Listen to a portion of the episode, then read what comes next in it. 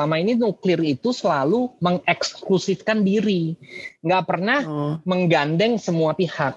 What we need to educate adalah mem membicarakan nuklir dalam bahasa yang sederhana. Yang kedua, put nuklir dalam konteks ekonomi. Dengan kata-kata thorium, kita nggak ngibulin, so kita membuat pintu itu tidak ditutup Harun. Okay. Once you mm-hmm. set nuclear, bam, people close the door in front of you. Faktanya di dunia ini, unless mm-hmm. you can be cheaper than coal, you can be cheaper than coal or competitive with coal, nuklir mm-hmm. nggak mm-hmm. punya market.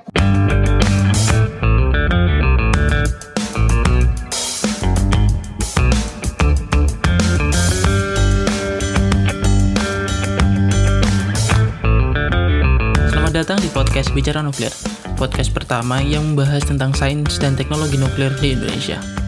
Di season ini, kita akan ngobrol dengan lebih banyak ahli dengan topik yang lebih luas dan lebih far-reaching daripada sebelumnya. Kita akan gali lebih dalam tentang topik-topik nuklir baik yang umum maupun yang belum familiar di tengah masyarakat. Jadi stay tuned and let's get radiated.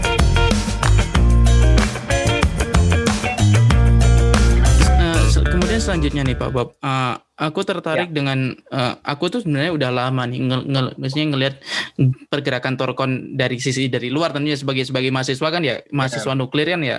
Kalau misalnya ada orang ya, yang ber, bergerak di bidang nuklir kan ya pasti menarik banget dong. Nah, aku betul. udah melihat Torkon dari tahun lalu dan aku ngelihat itu Torkon banyak banget melakukan kerjasama ya dengan pem, dengan oh, iya, institusi iya, pemerintah dan non pemerintah. Terus aku Betul. jadi kemudian berpikir kemar uh, di hmm. dua minggu yang lalu, uh, ya dua minggu yang lalu hmm, aku ya. tuh ngobrol untuk podcast ini bersama Prof Jarot ya mantan kepala Batan dan salah ya. satu pernyataan ya. beliau yang sangat menarik untuk aku adalah beliau bilang bahwa orang orang-orang nuklir itu tidak punya teman beliau bilang hmm. begitu kan.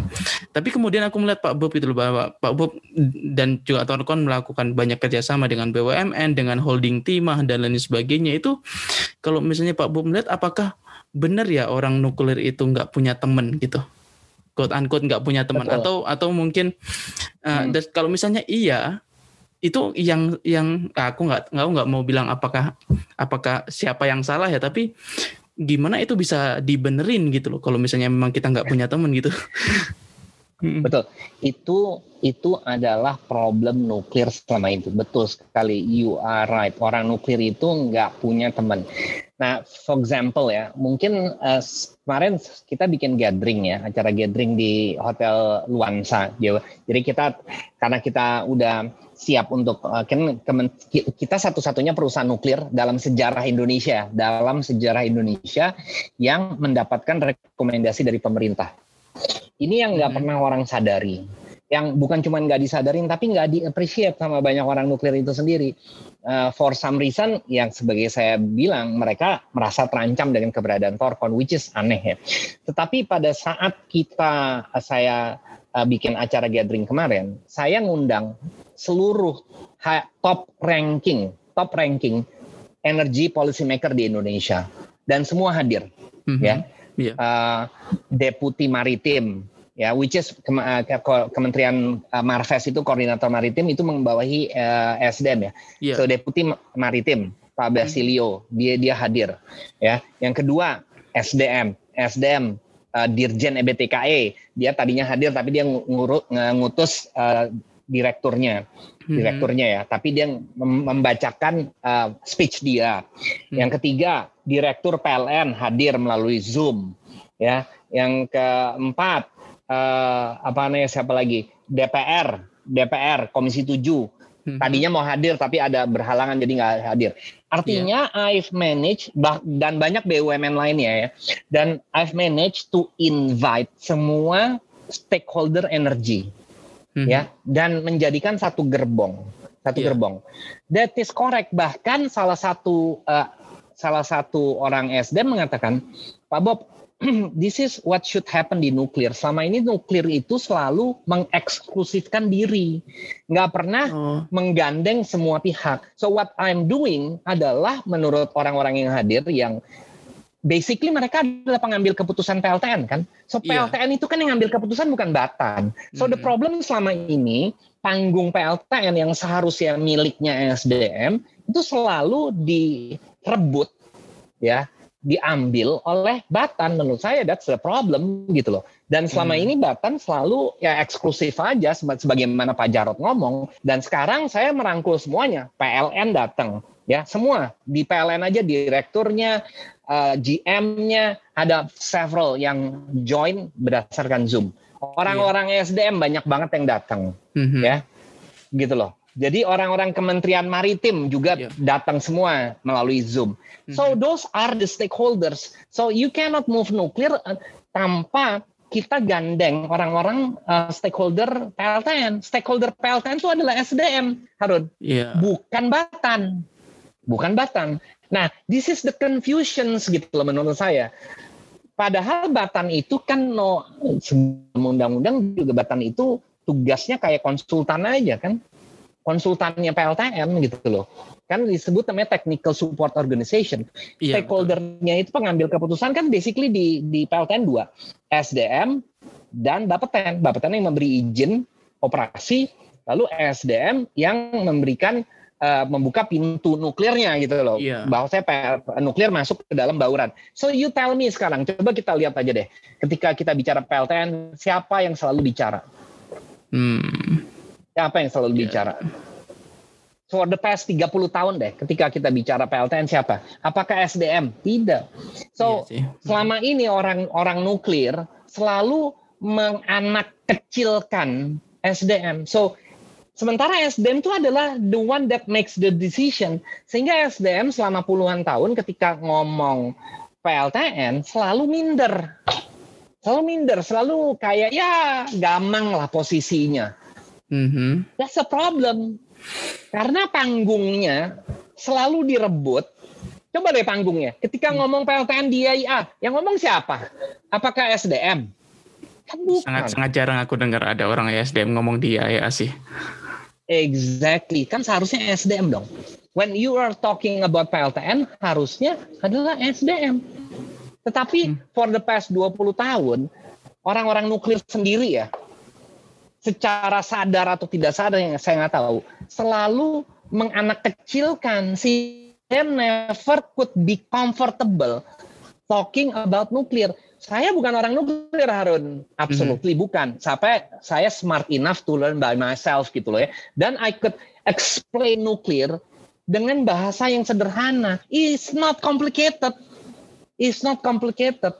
Buktinya mm -hmm. saya akan move nuclear sejauh ini, which selama berpuluh-puluh tahun nobody able to move as far as I do by myself. Mm-hmm. Maksud saya adalah uh, uh, uh, kalau kita bicara nuklir, you have to talk. Jangan menganak kecilkan, jangan me, me, merendahkan orang. So we, we need to educate people, make uh, istilah-istilah di nuklir itu lebih sederhana. Iya. Yeah. Gitu loh ya, lebih mm. common sense, lebih make mm-hmm. sense, lebih mm-hmm. terbuka sehingga kita nggak nakut-nakutin. Sekarang kan kalau di nuklir kayak di Menara Gading, orang nuklir itu kan kayak di Menara Daging, tak merasa paling pinter sendiri, merasa paling tahu sendiri, tetapi at the end mereka nggak bisa move nuklir forward, mm-hmm. nggak bisa yeah. kan? Mm-hmm. Because that's not you don't talk science gitu loh. Itu udah ada bapeten, bapeten urusan itu gitu loh. What we need to educate adalah mem- membicarakan nuklir dalam bahasa yang sederhana. Yang kedua, put nuklir dalam konteks ekonomi, Harun. Konteks hmm. ekonomi secara general. Yeah. That's what I succeed basically. If you look at my video, I put nuklir yeah. dalam konteks ekonomi dan industri. Nah, hmm. selama ini orang nuklir bicaranya neutron lah, di type of reactors. Mereka kan nggak penting type of reactors itu, itu itu kritik buat saya sendiri. Itu kritik buat aku sih. Karena aku beberapa kali juga yeah. ngobrolin itu gitu. Karena aku mikir, aku berpikir gini sih Pak Bob. Karena uh, aku tuh aku tuh punya pandangan untuk pengen jadi science communicator gitu. Orang yang bisa mengkomunikasikan sains nah. dengan baik gitu. Tapi aku juga bingung gitu. Uh, topik yang aku bicarakan ini benar-benar uh, kalau misalnya ditanya tentang spesifiknya ya it's really really complicated gitu loh. So I need to apa aku perlu kayak aku perlu tahu tentang gimana caranya bisa membuat apa yang aku sampaikan itu relatable dengan masyarakat. Itu kan yang yang sebenarnya mungkin bisa yeah. bisa dibilang kan gagal yang bisa dibilang gagal dilakukan oleh orang-orang yang mengkomunikasikan nuklir selama ini ya. Ya gitu. Ya yeah, exactly exactly. Hmm. nah yang kedua coba nih contoh sederhana aja. So contoh sederhana. Hmm. saya selalu pakai istilah PLTT saya pakai istilah PLTT itu diprotes terus sama orang-orang nuklir. Wah ini membohongi Torkon membohongi membohongi orang-orang, membohongi orang-orang. Padahal padahal mhm. pemerintah sendiri ngomongnya PLTT gitu. Dan bahkan saya diminta sama pemerintah sendiri, bahkan gubernur Bangka sendiri Pak Bob, PLTT itu lebih mudah diterimanya karena kata-kata dibanding kata-kata nuklir. So apa sih susahnya kita mengganti istilah jadi PLTT kalau memang we're using thorium? Kenapa harus dipaksa pakai PLTN? Ya kan seolah-olah kita membohongin. How would you membohongin? Wong itu programnya 8 tahun kok. Eventually mereka tahu. Ya kan? Yeah, yeah. This is I give you an example ya. Mm-hmm. Harun, this is I give you example gitu ya. Misalnya gini. Uh, so many uh, ini ya, uh, marketing ya. Marketing yang sales, yang telepon itu banyak sekali kan ya. Iya, yeah, banyak ya? banget. Coba if you receive a call, receive a call ya mereka tiba-tiba mulai dengan kata-kata seperti, "Halo Pak Bob, uh, kami dari perusahaan ini ingin menawarkan. Once you said ingin menawarkan, kamu tutup. Doom. That's what I do." Oh. Betul kan? Iya, iya. Right. Karena you don't want any penawaran-penawaran, baru mereka ingin penawaran, bam, tutup telepon. Tapi let's say start, "Halo Pak Bob, ini uh, ini uh, misalnya ini uh, Tuti gitu ya. Always yeah. perempuan kan. Ini Tuti Pak Bob kira-kira uh, bisa nggak ketemu Pak Bob ya uh, hari ini gitu? Uh, ya ada yang perlu saya bicarakan nih. Kan kamu penasaran Tuti. Oh, iya. Terus as if dia bicara, as if langsung kenal gitu. Padahal dia nggak hmm. tahu saya kan. Hmm. So kan saya akhirnya nanya. So I ask a question. Saya nggak nutup langsung kan. So I yeah. ask question. Uh, sorry Tuti, uh, masalah apa ya? Oh ini masalah uh, ini Pak peluang peluang uh, bisnis lah. Kan tambah penasaran dong peluang bisnis. Hmm. Basically penawaran juga kan. Iya. Tetapi cuman katanya beda you, you ya. Stand, you want to hear more, betul kan? Hmm. You want to hear more. Hmm. Suddenly akhirnya oke okay, karena ada kata-kata peluang bisnis, ya mungkin maybe you let oke okay, boleh deh, saya kebetulan kosong nih, dia datang. Mereka nggak mm-hmm. akan bilang pengen ketemu nanti dua hari tiga hari. Mereka always say mau ketemu hari ini. Ada waktu nggak pak? Ini uh, peluang bisnis sih pak. Lah kan you would listen. Coba misalnya dimulai, Pak kami dari perusahaan asuransi ini jiwa, uh, kita mau menawarkan produk kami, langsung bam tutup kan? Iya. Nah itulah thorium. So dengan kata-kata thorium kita nggak ngibulin. So kita membuat pintu itu tidak ditutup Harun. Okay. Once you mm -hmm. set nuclear, bam, people close the door in front of you. Kalau hmm. kita pakai kata-kata thorium, at least you have that about 30 detik apa satu menit istilahnya. Hmm. So people would listen. Okay. Ngerti nggak? Ya, ya, ya, nah ya. itu, tetapi what what what do apa yang dilakukan oleh orang-orang nuklir? Semua mencaci maki saya kan. Oh, Torkon mencoba mengibulin, mengibulin gitu kan selalu ngomongnya gitu. This this show bahwasanya orang nuklir sendiri nggak ngerti komunikasi, nggak ngerti gitu loh. Padahal ya uh, pemerintah sendiri, SDM sendiri, even PLN kalau kita lihat RUPPL ya, lihat aja hmm. RUPPL. RUPPL itu dokumennya SDM ya, Capman yeah. ya. Hmm. Coba lihat RUPPL 2019. Mereka munculinnya PLTT, bukan PLTN Thorium, PLTT oh, aja. Hmm. Nah, maksud saya this is a point masalah problem with komunikasi. Kita masalah komunikasi tentang nuklir itu ya jangan terlalu formal kita harus relax gitu loh iya so iya, iya kan mm-hmm. harus relax pakai bahasa gini loh kayak Shakespeare bilang ya yeah. a rose by any other name is still a rose Yeah. Betul kan? Mm-hmm. Kita mau pakai kata PLTN kayak PLTT kayak ya tetap aja ujungnya orang tahu itu nuklir, betul nggak sih Harun? Iya. Yeah. Ujungnya But, tahu, emangnya yeah. kita emangnya bisa coba you tell me ya, emangnya bisa kita menipu orang selama 8 tahun kan enggak. Mm-hmm. Eventually ya kan tetapi it serve bahwasanya orang stand untuk few minutes untuk mau mendengar. mm-hmm. gitu loh. Yeah, yeah, so yeah. you you understand nggak sih? Iya yeah, yeah. kan? Mm-hmm. Ya so, itu itu memang itu memang sampai sekarang sampai sekarang memang masih masalah sih. Memang kayak salah satu masalah yang aku sadari dari nuklir itu adalah communication skills dari para saintisnya exactly. sebenarnya itu itu aku perlu yes. mengakui dan dan itu itu yang memang masih perlu diubah sih menurutku. Ya, ya itu sebabnya ya, Harun mm-hmm. itu sebabnya bahwasanya sekarang all the newer generation or, or di uh, beberapa perusahaan nuklir di dunia itu dibangun bukan oleh orang nuklir. Coba lihat flight, dia uh, adalah engineer NASA, Torcon. Si Jack itu adalah uh, apa marine professor naval engineering, si Lars itu engineer electrical engineer. Mm -hmm. Ya, so uh, karena they they understood what's what's the problem with nuclear gitu loh. Jadi contoh ini, ini I'm just going to tell you the difference ya between paradigma orang nuklir dan orang non nuklir yang bukan dari nuklir mm-hmm. in designing reactor ya. Mm-hmm. Gini loh, orang nuklir kalau designing reactor always start at the core. Ya start at the core, mm-hmm. terus keluar, betul yeah. ya. Sehingga Betul at the end mereka nggak bisa uh, nggak bisa memanage constraint-constraint lainnya seperti ekonomik, buildability bisa dibangun apa enggak dan lain-lain dan lain-lain. Betul kan? So mm -hmm. In commercial operation gitu ya, in reality in commercial operation you are bound by certain constraint. Betul nggak sih? You are yeah. bound whether it's economic or whether it's safety. Mm-hmm. Betul nggak sih? Yeah, right. Betul. So you have certain bound in real life ya, in real, mm-hmm. not not on paper, in real life. So orang nuklir selalu always they don't care about this parameter, nggak peduli. Yang what they are care adalah I design the most advanced and sophisticated core reactor, reactor core, betul kan? Mm-hmm. So abis yeah. itu mereka keluar apa yang dilakukan oleh Torcon dan desainer-desainer lainnya kayak Terrestrial dan lain-lain, they start dari luar. They start with the constraint. Apa sih constraintnya? Constraintnya adalah pertama safety, bahwasanya dia harus harus passive safety, harus bisa membuang ini, membuang. So they they list all the constraint, they list all the what they call user requirements lah. Economic hmm. harus bisa bersaing dengan batu bara, yeah. gitu ya, dan lain-lain dan lain. Dan hmm. based on that constraint, lalu harus bisa dibangun cepat.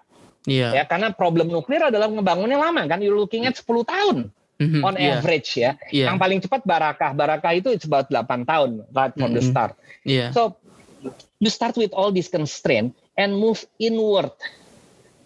Hmm. Sampai kita ketemu baru design. Sehingga akhirnya once you have this core, itu it will meet the constraint.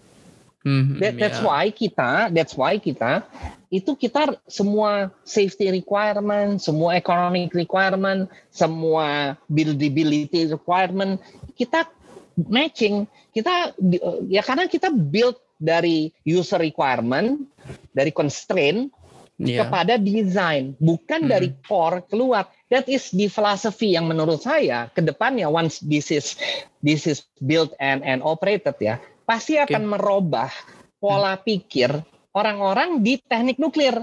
Iya. Karena orang teknik nuklir basically nggak peduli Harun. They don't really care. Ini mahal, ini murah. They don't really care. The fact of the matter, faktanya di dunia ini, faktanya. Iya. Unless, unless mm -hmm. you can be cheaper than coal, you can be cheaper than coal or competitive with coal, nuklir mm-hmm. nggak mm -hmm. punya market Harun. You don't have any market. Mm-hmm. Gitu yeah. loh. So artinya begini, ini sederhana. So I, let me put this yang so many orang nuklir nggak pernah sadarin ya. Mm-hmm. Bahwasanya mereka selalu menganggap ekonomi itu nggak penting. Ekonomi itu most important di dalam energi, di dalam bisnis kelistrikan, bisnis energi, ekonomi is the most important.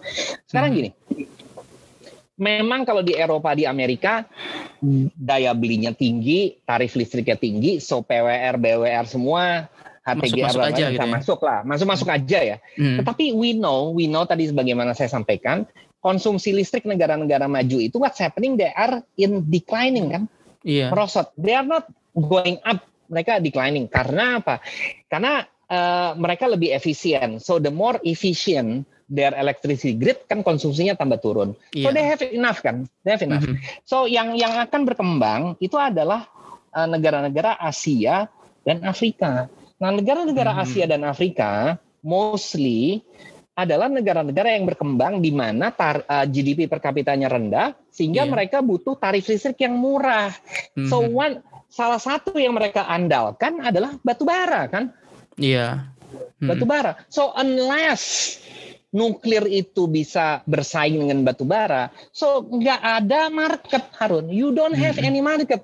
True, you have a, misalnya market di market di negara-negara besar kayak misalnya Amerika, Eropa atau negara-negara Middle East yang kaya seperti Abu Dhabi, UEA, Arab yeah, Saudi, oke okay, yeah. mereka kaya. Qatar gitu-gitu ya.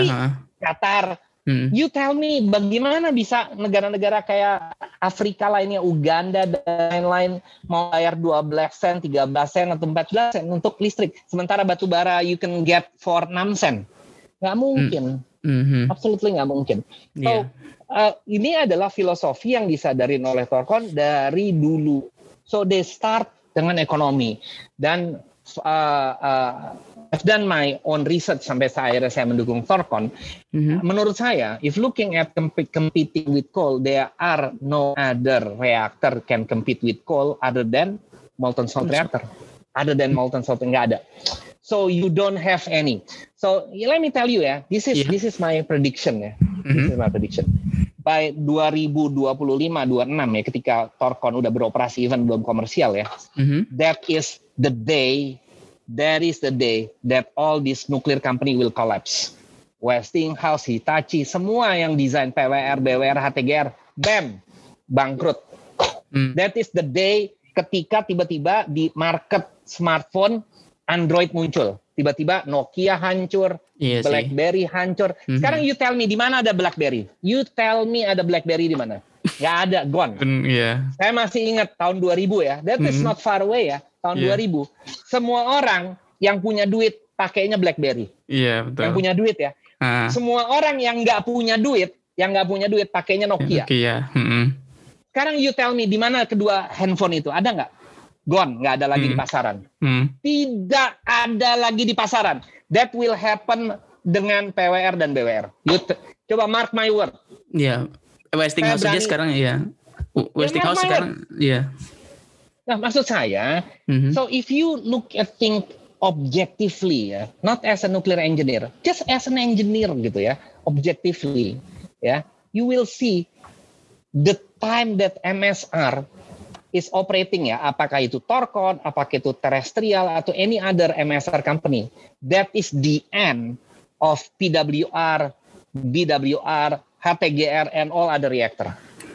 Karena hmm. siapa yang mau pasang reaktor yang pertama lebih mahal, yang kedua tingkat keselamatannya lebih rendah dibanding MSR. So you you know MSR there is yeah. no pressure kan? Mm, so you yeah. don't have any pressure. Mm-hmm. So how would you have an explosion? How would you have a bridge if you don't have any pressure? Yeah, you don't have any pressure loh. Yeah. So if you don't have any pressure about only 10 bar, then mm-hmm. how would you have an, a bridge of reactor, a bridge of containment? Nggak mungkin kan? Absolutely mm-hmm. nggak mungkin. Mm-hmm. Terus what's what's more interesting adalah gini Harun. What's more interesting? The sole purpose of safety of uh, nuclear safety yeah. adalah adalah ya to prevent the release of radiation. Betul apa enggak sih? Iya betul. To prevent mm-hmm. the release of radiation. Dari seratusan lebih radio isotop yang paling berbahaya untuk manusia itu cuma ada tiga kan. You have strontium, you have cesium dan iodine kan betul kan iodine yeah. satu. Dari mm-hmm. tiga itu cuma iodine satu tiga satu yang uh, possibly yang could accumulate in the body ya. Mm-hmm. Nah sekarang bayangkan ya tiga radioaktif itu dan radioaktif lainnya basically bound chemically, covalently di dalam salt. Saltnya, ya. Yeah. Bound. Hmm. Bound chemically. So they they cannot escape. So you tell me nggak ada pressure. So there is no forces that can expel ya, expel mm -hmm. the salt. Yang kedua, this radioactive isotope is bound, bound to the salt. Iya, so, jadi nggak akan mungkin bisa keluar ya. Exactly. So it's done kan? Nuclear hmm. safety is done. Close, case close. Yeah. Of course, I mean this is simplification ya. Iya. Simplification. So how would you compete with that? You tell me, how hmm. would you compete with that? Iya. Mungkin kan? Hmm. Oh, maksud saya, this is saya bukan ahli nuklir. Saya bukan ahli nuklir sekali lagi. Saya bukan ahli nuklir, tapi on this issue mungkin saya lebih ahli daripada orang nuklir. But seeing the futures of nuclear does not realize uh, in PWR, BWR atau HTGR atau all other design sodium cooled adalah on MSR. Yeah. Perbedaannya adalah gini. This is most important ya saya selalu ngomong sederhana ya. Uh, kebanyakan kita misalnya Indonesia kita butuh mobil ya, mm-hmm. ya butuh mobil. Kebanyakan orang nuklir itu trying to put Ferrari di Indonesia. What orang Indonesia butuh adalah Innova. Oh, Oke, okay. right? yeah, kita yeah. butuh tuh Innova. MSR itu adalah Innova. It is not sophisticated. It is not advanced. It's very simple that serve the purpose. Gitu loh Harun. Sometimes yeah. kita we have to understand apa sih purpose-nya reaktor itu? Kan we're not trying to design the most advanced, the most sophisticated reaktor ya. Yeah. That is a Ferrari. Yeah. Orang Indonesia butuh Ferrari? Ya nggak butuh lah. Nggak butuh Ferrari. Yang penting ada listrik aja ya. Indonesia. Exactly. Aman hmm. dan murah kan? Mm -hmm. Yeah. This is maksud saya ini adalah konsep yang sederhana, Harun. Very hmm. sederhana. Tapi unfortunately susah dicerna sama orang nuklir. Betul nggak sih? Susah dicerna. Iya. Yeah. Right? Iya, mm, iya. Yeah. Hmm. Semua orang ngomong, wah MSR belum proven, MSR belum proven. So what? Udah ada Bapeten. Eventually semua reaktor yang nggak proven akan proven. Betul nggak sih? Eventually yeah, first, itu. First of a Dan, kind pasti akan butuh verifikasi yang lebih banyak, iya, tapi Indian pasti, pasti akan ada. verifikasi. Mm -hmm. Exactly. End itu akan proven. Dan narasi itu sekarang di Bapeten sudah berubah, Harun. Di oh, draft yeah. PP2 yang lagi dibikin Bapeten, Bapeten tuh udah nggak ngomong lagi proven nggak proven, sudah tidak. Karena kenapa? Narasi itu salah. Which is saya saya Bapeten is much progressive dibanding Batan, much progressive. Dia menamakannya sekarang adalah reaktor siap pakai, which is good, dan reaktor dalam pengembangan. Much better kan? Oh. Much better terminologi. Mm-hmm, mm-hmm. Reaktor dalam pengembangan. Ya implikasinya bisa lebih fleksibel itu lah. memang. Hmm. Exactly implikasinya dari saya lihat dari istilah itu aja yang sekarang lagi masih di draft dikembangin di Bapeten. Bapeten itu udah progresif sekali Harun progresif. Yeah. Sementara mm-hmm. di Bapeten masih ngomongnya proven, nggak proven, proven, nggak proven. Which is lucu kan? Orang masih sekarang kalau kita lihat lembaga litbang bukankah harusnya lebih senang kalau nggak ada yang proven? Kalau udah semua kita pasang yang proven-proven yang ngapain kita litbang kan kita beli aja pengadaan kayak pengadaan AC, pengadaan iya. komputer. Kita nggak perlu yeah, litbang kan? Iya. Hmm. Iya kan? Kita hmm, selalu yeah, ngomong yeah. inovasi nuklir. So you tell me, inovasi nuklir. Semua selalu kata-kata inovasi nuklir muncul. Inovasi itu artinya we're doing the one that is not proven, the one that is not yet in the market, atau we're doing something already in the market? Mana sih? Hmm, Iya. Yeah. Inovasi, the word innovations adalah artinya we're doing something which is brand new, which is not already in the market. Mm-hmm. That is innovation. Iya, yeah, iya. Yeah. Hmm. Right? That mm. is research and development. Development, That is lead bank. Mm-hmm. Right? Kenapa yeah, sekarang yeah. orang nuklir ketika ngomong inovasi ngomongnya PWR BWR? Well, what do you want to learn about PWR BWR? It's been around for 50 years. Lead banknya di mana? Innovationnya di mana? Oke. Okay. Right? Ya, menarik banget ini Pak so Bob. That, that is my personal thought. Iya, gitu ya, terima kasih banget Pak Bob. Ini udah jalan sejam lebih nih, nggak kerasa. ya, okay. yeah. well, sorry ya agak sedikit. Saya kadang-kadang kalau udah ngomong nuklir, saya orangnya agak emosional. Iya, sama sama. Agak ngeselin Harun, agak hmm. ngeselin. Why, why ngeselin? Selama lima tahun saya nggak pernah dibantu, nggak hmm. pernah ada yang ngebantu saya, nggak ada. Yeah, nggak ada, yeah, iya. absolutely nggak ada. Kalau ada yang bilang ngebantu, please show hands, nggak ada. Saya yeah. jalan sendirian Mungkin I appreciate you karena seperti saya katakan di depan, kamu adalah orang nuklir pertama yang trying to learn, have open mind, objectively gitu loh. Iya. Yeah. Right? Hmm. So up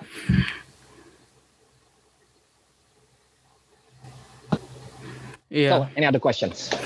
Ya, yeah, uh, mungkin mungkin terakhir aja nih Pak Bob. Uh, aku mena aku Oke. Okay. Uh, aku sebenarnya sejujurnya agak penasaran dengan sangat penasaran dengan desainnya tapi rasanya nggak akan nggak akan cukup waktunya kalau kita bahas di sini. Tapi aku ya, penasaran apa, dengan if, if it's short hmm, apa? Ya, ka, ka, tentang timelinenya Torcon sendiri berarti ini gimana nih? Sekarang tahun ini berarti targetnya apa? Terus kemudian nantinya akan okay, so kayak gimana? Iya timelinenya itu. Uh, I tell you timeline ya hmm. pertama ta, uh, 2022 mm-hmm. kuartal pertama kita akan bangun uh, test bednya non vision test bednya ya. Nah uh, kira-kira setahun ngebangun so by 2023 yeah. 2023 uh, kuartal pertama kita mm-hmm. udah start testing start testing okay. dang dang dang dang hopefully will run about setahun atau setahun setengah so hopefully by 24 24 uh, kita dapat desain sertifikasi dari Bapeten dan izin konstruksi setelah kita testing dan lain-lain gitu ya. Okay. So hmm. hopefully kita mulai bangun uh, prototipe itu either between 24 25 lah along that line ya. Kita akan hmm. refine timelinenya itu nanti di tahun ini gitu ya. Oh, nah, okay. jadi kita mulai bangun uh, mulai bangun uh, prototype itu di DSME di Korea itu di yeah. 2024 atau 25 lah either 24 akhir atau 25 awal. Oh itu so, untuk nuclear islandnya ya? Apa untuk semua enggak, bagiannya? Nanti? Oh seluruh bagian. Aplikasi seluruh awalnya bagiannya. biar nanti di konstruksi apa konstruksinya langsung bisa ya, jalan. The, the whole the whole ini the whole the whole plan prototipenya. Mm -hmm. Kan mm -hmm. udah pernah lihat ya the whole the whole plan. So yeah, yeah. Uh, yang kayak gini loh. So this is it. This is yeah, yeah. ini yang kita bangun 2024 ya. So mm -hmm. 2024 25 as prototype gitu ya, as as prototype. Mm-hmm. So kita akan tes sebagai non non commercials gitu ya. So mm-hmm. hopefully by 25 akhir, 25 akhir udah sampai Indonesia. Mm-hmm. Sampai Indonesia kita testing selama 2 tahun ya, 2, 27 28 mm-hmm. udah dapat izin operasi sebagai reaktor non komersial. Lalu kita okay. ganti reaktornya, kita ganti reaktornya, reaktor baru dan kita uh, testing lagi, kita go through the licensing process sebagai komersial. So hopefully by 28 the latest 29 kita udah dapat izin operasi komersial. Itu kira-kira gitu timeline Itu sangat, itu sangat cepat loh, Pak. Untuk hitungan first of a kind uh, reactor itu sangat cepat loh. Uh, sebenarnya enggak itu we're looking at 8 tahun ya, 8 9 tahun that's not fast. Ya. Iya, tapi, tapi menurut saya kan itu kan first of a kind kan. Maksudnya di seluruh dunia pun kayaknya MSR belum ada yang beroperasi kan. Jadi ya belum, belum Makanya ada. makanya pasti kan ada banyak yang saya yang saya takutkan dengan timeline yang dibuat Torcon ini kan sebenarnya eh, mohon maaf sekali tapi bapetennya itu kan harus harus mereka harus bisa belajar tentang gimana how they can certify this technology, this new technology that that hasn't exist in the world kan.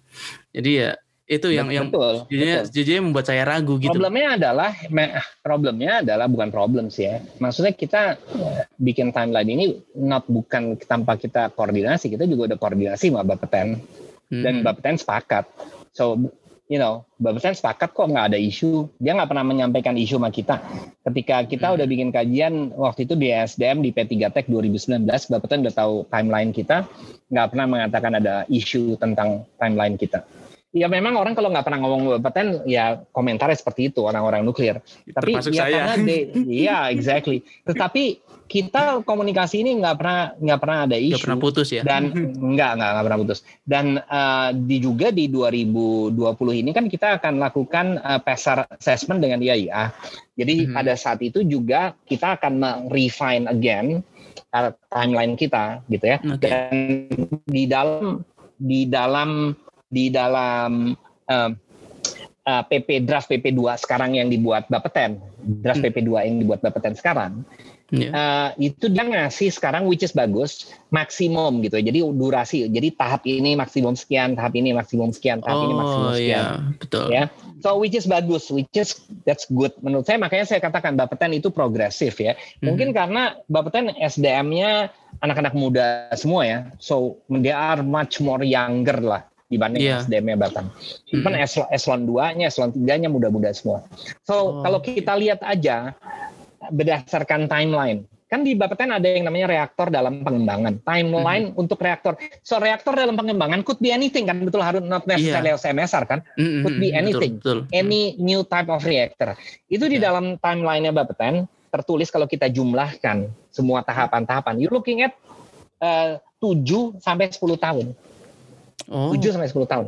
Jadi istilahnya our timeline which is about 8 tahun, which yeah, is itu. just about right. Hmm, iya yeah, betul.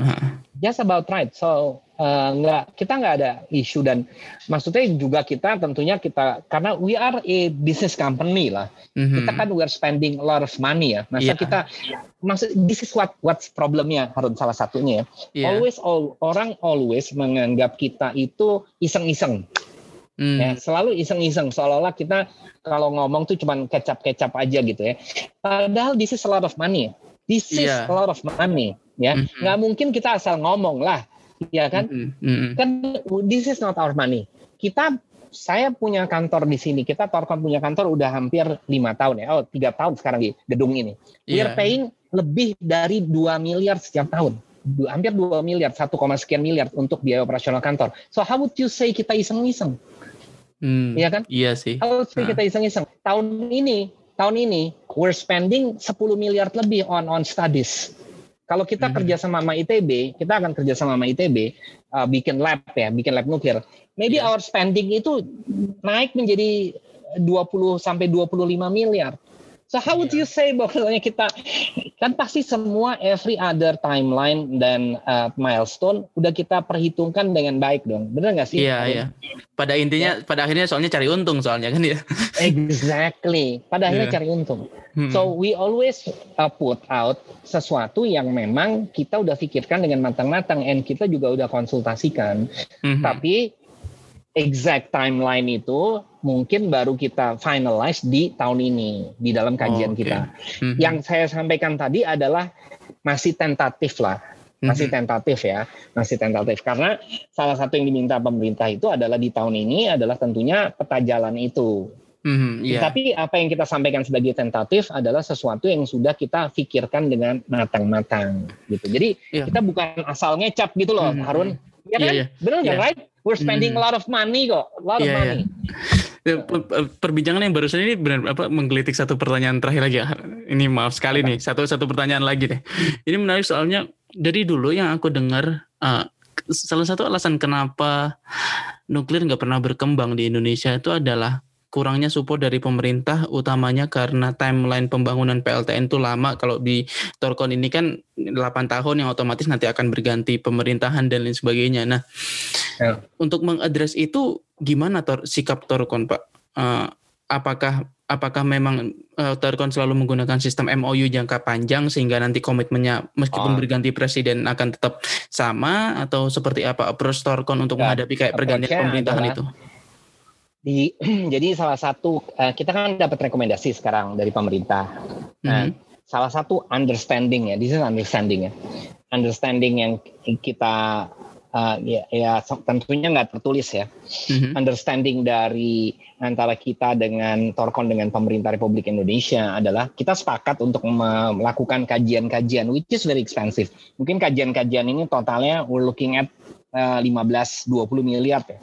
Mm-hmm So we understandingnya adalah ketika ini kita lakukan kajian-kajian dan hasilnya positif, hasilnya bagus nih misalnya ya, hasilnya bagus, kita uh, hanya mau lanjut karena the next step setelah kajian-kajian ini adalah bikin test bed ya. Test bed itu is about one trillion ya. Mm-hmm. So kita minta perpres. Nah, unless oh. kita dapat perpres, maka kita nggak akan lanjut. Kita hmm. nggak akan lanjut. Nah, jadi pemerintah secara kesepahaman ya, saya tentunya tidak tertulis kesepahaman sepakat. Nah, menurut saya ini sesuatu juga yang wajar-wajar aja Harun, mengingat hmm. hmm. investasi kita 17 triliun. Nah, kadangkala orang kalau ngomong 17 triliun karena it's not their money, menganggap wah biasa-biasa aja. So I'll give you an example ya. Hmm. Kemarin uh, how big 17 triliun is ya for hmm. Indonesia. Mungkin untuk negara lain kecil 17 triliun. So let me give you example. Kemarin kepala BKPM baru maparin, saya ikut seminar beliau. Mm-hmm. Total 2020 investasi yang masuk ke Indonesia itu 800 triliun lebih. Oh, ya. Iya. Ya, 800 triliun. So hmm. untuk sekitar 120 sekian ribu project. So if you divide 800 triliun dengan 120 ribu sekian project, you looking at rata-rata project-project di Indonesia nilainya 5 M, Harun. Hmm. Only 5 miliar. 5 Yeah. Kayak exactly 5 miliar.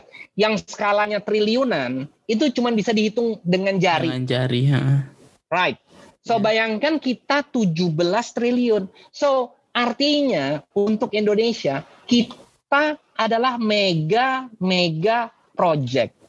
Mm-hmm. Yang sepuluh ini yang rata-rata triliunan, semua minta perpres lah jelas lah yeah. dengan investasi sebesar itu. Mm-hmm. Dan tentunya ada semuanya yang skala triliun ini semua dapat karpet merah dapat karpet merah dari pemerintah walaupun cuma satu triliun dua triliun so mereka dapat karpet merah tetapi hmm. kita sekarang udah jalan lima tahun ah, saya nggak pernah merasa dapat karpet karpet merah yang ada dapat karpet ijuk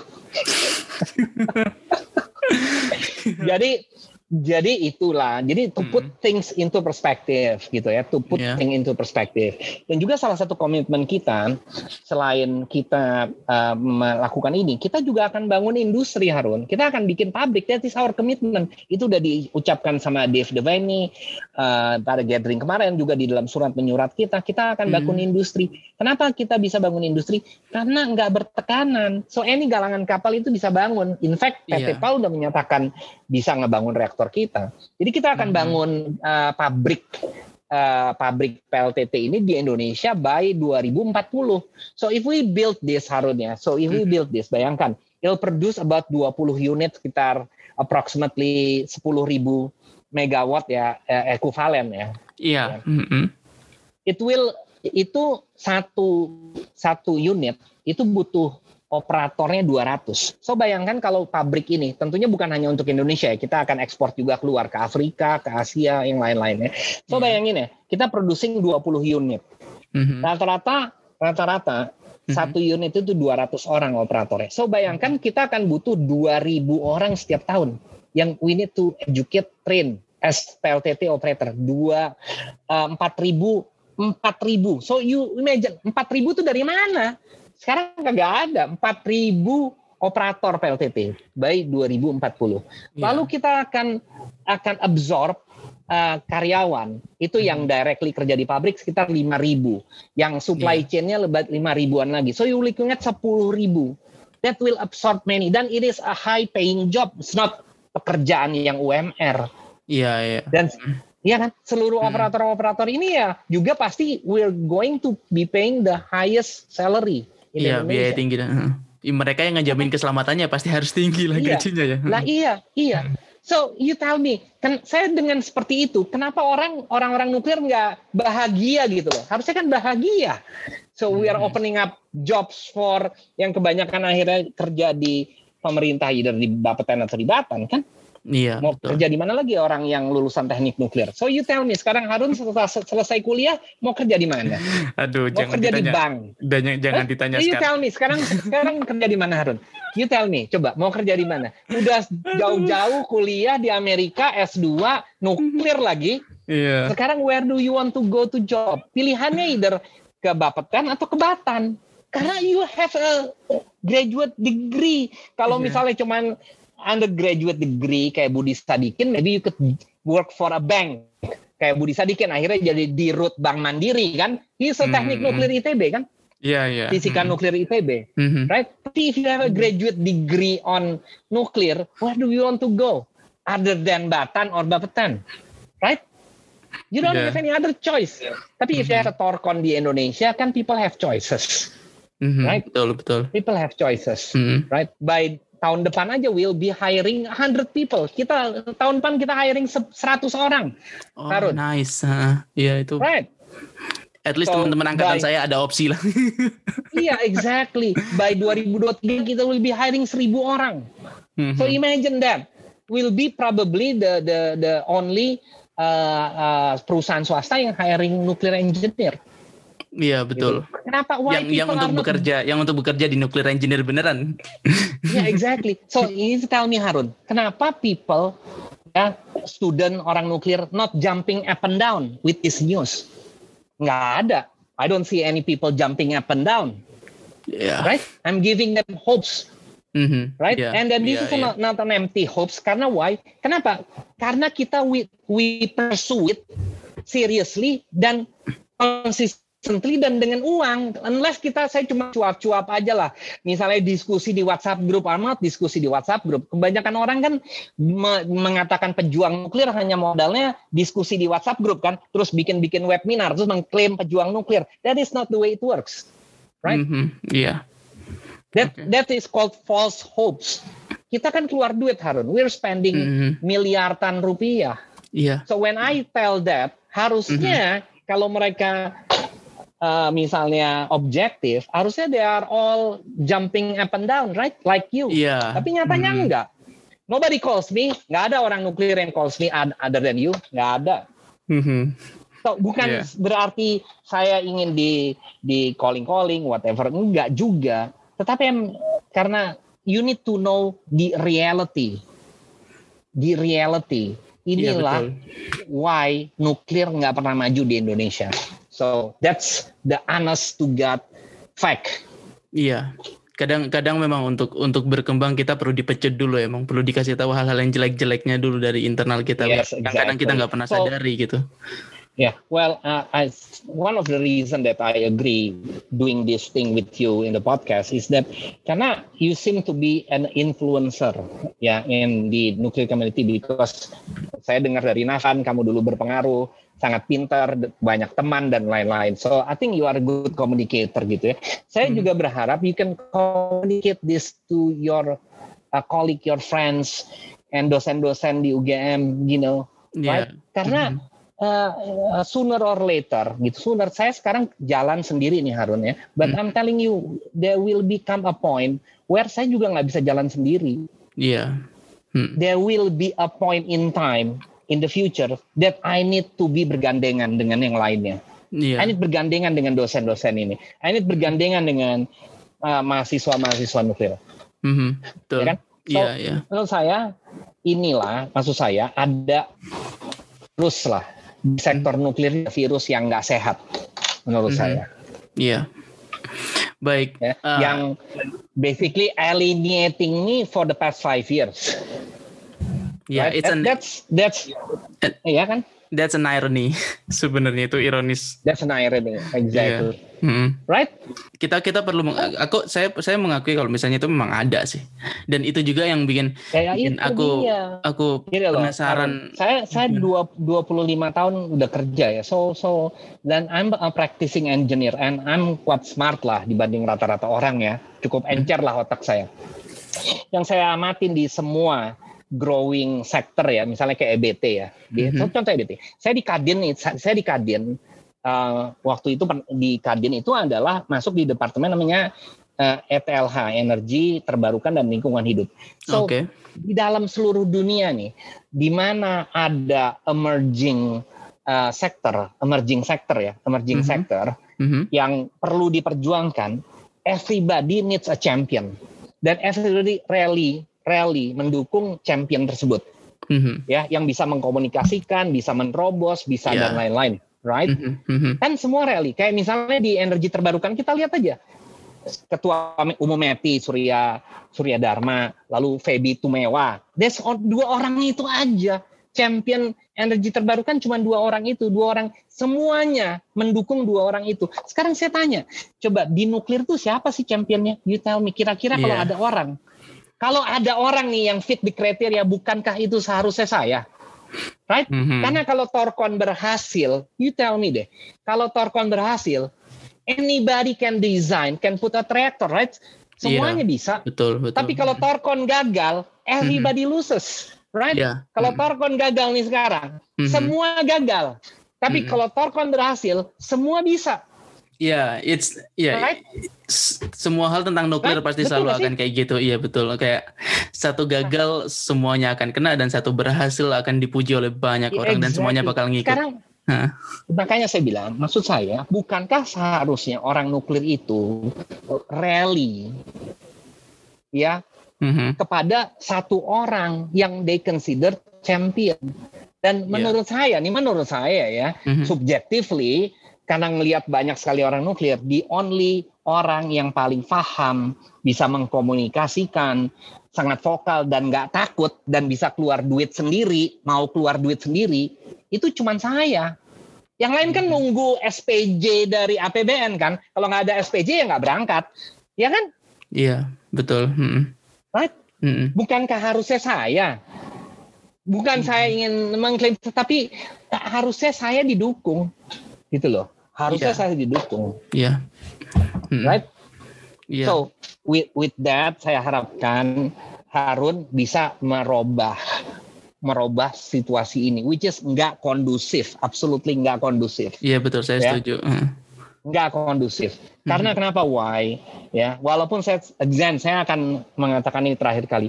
Walaupun selama ini saya jalan sendiri dan we are progressing ya, we're not. Walaupun saya dihambat ya, honestly saya nggak perlu cerita lah bagaimana orang-orang menghambat ya.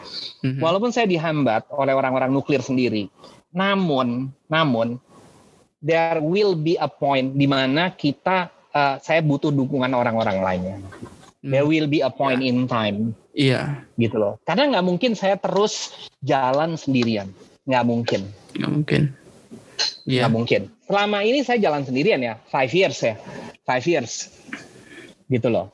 Tapi there will be a point. Dan pada saat itu, when it comes to that point, kalau dukungan itu belum terjadi, it will go down to the sink, go down to the drain. Iya, miserably. kan jatuh. Yes. Iya. Pasti jatuh. Dan semua hmm. pasti rugi. Dan semua pasti at that time when that happen, udah nggak usah bicara nuklir lagi. Nuklir akan mati di Indonesia. Yeah. Akan mati. Udah that's it. That's the end of nuklir. Iya, semoga itu nggak terjadi lah. Karena saya ya, masih pingin. Itulah. Iya, masih at least at least ngelihat PLTN ada ketika saya hidup. Ya, hmm. itulah. Makanya you tell me sekarang deh. Sekarang what my last questions ya. Mm-hmm. Kamu udah mengikuti sektor nuklir ya, di Indonesia. So siapa sih you think that the most punya kesempatan the highest chances kalau ada PLTN pertama, would be itu Torkon. Iya. Ada nggak kira-kira? Iya kan? Objectively iya pasti pasti akan turun karena ya kan? memang satu-satunya industri di bidang energi nuklir yang saat ini iya. sudah established ya Torkon dan yang masuk iya. ke Indonesia. Iya, karena gini loh, this is one of the problem. Orang semua masih bermimpi, semua nih orang-orang nuklir, as if pemerintah mau ngeluarin APBN untuk bikin PLTN. Itu there's no such thing. Gak ada. Ini saya tegas nih. There is no such thing pemerintah akan mengeluarkan APBN. Mm-hmm. Gak ada yeah. untuk PLTN. Ya. Yang kedua, ya orang masih merasa bahwa oh PLTN harus proven. Pemerintah nggak peduli masalah proven-provenan Harun, nggak peduli, ya. Karena mereka udah merasa ada Bapeten. Dulu memang betul narasi itu bisa dikembangkan. Sekarang nggak peduli. Mereka merasa udah ada Bapeten. Kalau Bapeten ngasih izin ya udah ngasih izin kan. So why worry about proven nggak proven kan? So yang hmm, harus di worry yeah. adalah masalah keekonomian. Mm-hmm. Udah given, diterima oleh pemerintah dan ditetapkan oleh Menteri yeah. SDM di mana-mana bahwa hmm. PLTN itu harus kompetitif dengan batu bara. Which is you're looking at harga jual listriknya di 6 sampai 7 sen. Mm -hmm. yeah. Nah, sekarang you tell me siapa yang punya peluang? Harus pakai duit sendiri, harus bisa murah, Coba, you tell me siapa? Rata-rata semua uh, vendor-vendor PLTN. So the word vendor nih, Harun ya, yeah. this is what people don't get it ya. Mm-hmm. The word vendor itu artinya apa sih? The word vendor. The word vendor itu artinya mereka pengen dibayar kan? Am I right? Iya, karena mereka minta itu, mereka minta tender gitu, -gitu word, kan ya. Iya, the word vendor, vendor PLTN mm-hmm. ya, itu artinya mereka tidak akan investasi mereka tidak akan. Mereka jual reaktor. Mereka iya. jual yeah. aja, pasang kontraktor. Jadi vendor itu bahasa canggihnya dari kontraktor. Iya. Yeah, They don't betul. really care. Mm. Ya kan? Cuma mm. kata-kata canggih vendor. Nah, kita selalu Torkon disama-samakan dengan Hitachi, dengan Westinghouse, dengan Rosatom kita di different level kita adalah level lebih tinggi karena kita keluar duit. We are investor. Mereka kontraktor. Itu bahasa sederhananya. Iya, mm -hmm. iya. Yeah, Right? Itu juga itu juga saya baru sadar juga sih gimana gimana yeah. Hitachi dan Westinghouse bekerja itu kan itu. Mm. Mereka tuh kontraktor Harun. Iya. Banyak orang nggak sadar, even dosen-dosen kamu, orang-orang ahli nuklir di Indonesia yang katanya ahli nuklir, nggak bisa bedain antara torkon dengan vendor. Nggak bisa bedain. Selalu mereka merasa bahwa saya vendor itu bisa invest. Nggak bisa. Vendor tuh minta dibayar. Iya, betul. Mm-mm. Vendor tuh minta dibayar. Mm-mm. Gitu loh. Nah, itulah yang kamu harus luruskan. Jadi kita kita tuh pada level yang jauh lebih tinggi dibanding vendor-vendor itu. Memang mereka perusahaan besar. Mm-hmm. Tapi yeah. does not necessarily mereka mau invest. Invest, iya. Masalahnya di situ memang. Iya kan? Mm. Nah itu. Dan kalaupun akhirnya nih, kalaupun ya ada narasi, oh ya nggak apa-apa, nanti kita cari investor di Indonesia. Nanti biar mereka invest kepada vendor-vendor ini. Ya. Mm-hmm. The next question adalah harganya yep. berapa? Iya. Yeah bisa nggak PWR bersaing di 7 sen, 6 sen? Nggak bisa jawabannya. Mm-hmm. Ini kan gini yeah. loh maksud saya. Lucu ya. Kita something yang konkret tetapi di, di tidak didukung karena mereka semua bermimpi. Ya kan? Mereka bermimpi nih rata-rata. Di other gang ya anggaplah di other gang, di other yeah. groups gitu ya, di other mm-hmm. side semua mm-hmm. bermimpi bermimpi wah jangan-jangan nanti pemerintah mengeluarkan APBN gitu ya jangan-jangan gitu ya oh siapa tahu mengeluarkan APBN nanti siapa tahu ada Nepio siapa tahu semua siapa tahu gitu ya iya hmm. oh ya siapa tahu nanti ada investor mau invest di PLTN semua yeah. siapa tahu so mereka hmm. bermimpi tetapi sesuatu yang konkret yang ada hmm. di Indonesia yang operating yang punya kantor yep. nggak didukung hmm. which is ironis nggak Iya itu sangat untuk ironis orang, banget. untuk orang yang kata yang katanya masuk teknik nuklir itu udah paling susah kan. Iya belajar. Gitu. Yeah. Tapi ya belajarnya susah kan. Kamu hmm. belajar kalkulus, differential equation, yeah. apalagi? Ya kan susah kan? Iya.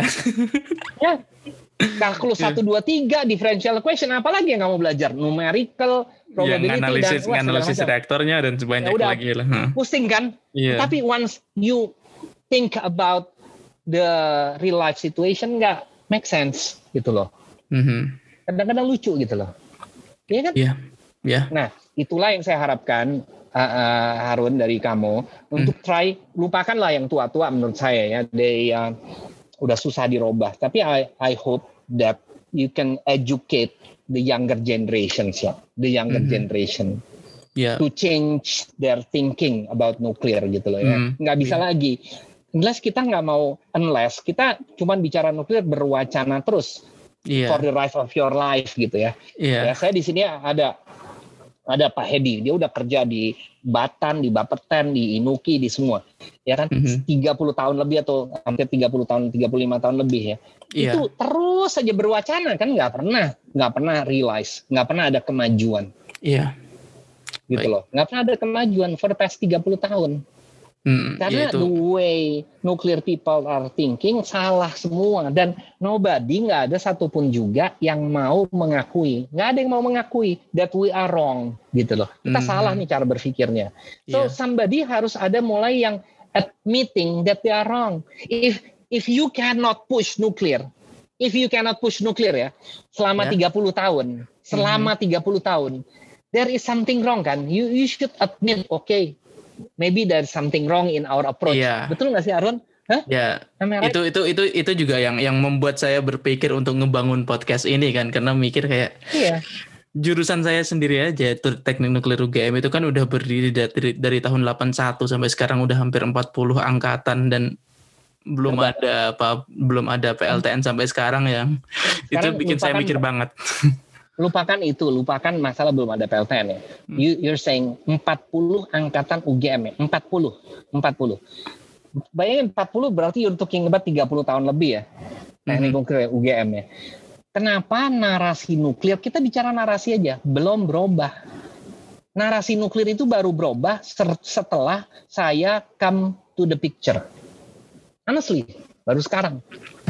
Iya betul. So kan mm-hmm. dimulai dimulai dengan merubah narasi Harun. Mm-hmm. Merubah narasi itu the easy part. Iya. Gitu, that's the easy part. Mm-hmm. Ya kan? Iya. right? Kita mm-hmm. kenapa nggak pernah ada yang mencoba untuk merubah narasi? Jadi just from that fact, kita lupakanlah ada PLTN. Mem- membangun PLTN itu probably very difficult, nggak semua orang mampu. Tetapi yeah. merubah narasi, it's within within your scope, ya kan? Within yeah. kemampuan orang nuklir. Yeah. Tapi kenapa you stick with the same narasi? Gitu loh, 30 tahun. Iya. Yeah dan narasi nuklir baru berubah, you tell me, believe it, mau percaya apa tidak percaya, I'm telling you, baru berubah setelah ada saya. Buktinya apa? Ya buktinya kita satu-satunya yang diterima kok. Saya yeah. satu-satunya yang diterima. Mm-hmm. Media, sekarang even di media ya, media tuh sekarang udah nuklir friendly. Iya, Juga betul. setelah ada saya, media mm-hmm. udah nuklir sekarang. Iya, iya. Hmm. Karena saya sering ngomong, mengedukasi, saya ngundang orang-orang media makan siang segala macam diskusi ngalor ngidul segala macam segala macam sehingga yeah. mereka educate kan harus itu bisa dilakukan kenapa nggak pernah maksud saya dari something wrong again dari something wrong with this picture Harun mm -hmm. yeah ya? Dan you are the first guy who noticed this you are the first guy you are the first guy so I I salute you. I give you a thumb up in noticing this. Karena this is a problem. This is a problem. Mm-hmm. And yeah. I hope you keep on communicating this, right, through your friends, your network, and everything else. Let's yeah. move on, gitu loh. Let's mm. move on. Let's move on. Torkon adalah satu-satunya peluang untuk kita punya PLTN. Get that in their mind, gitu loh. Iya. Yeah. Right? Mm. I need their support. I need your support. Mm -hmm.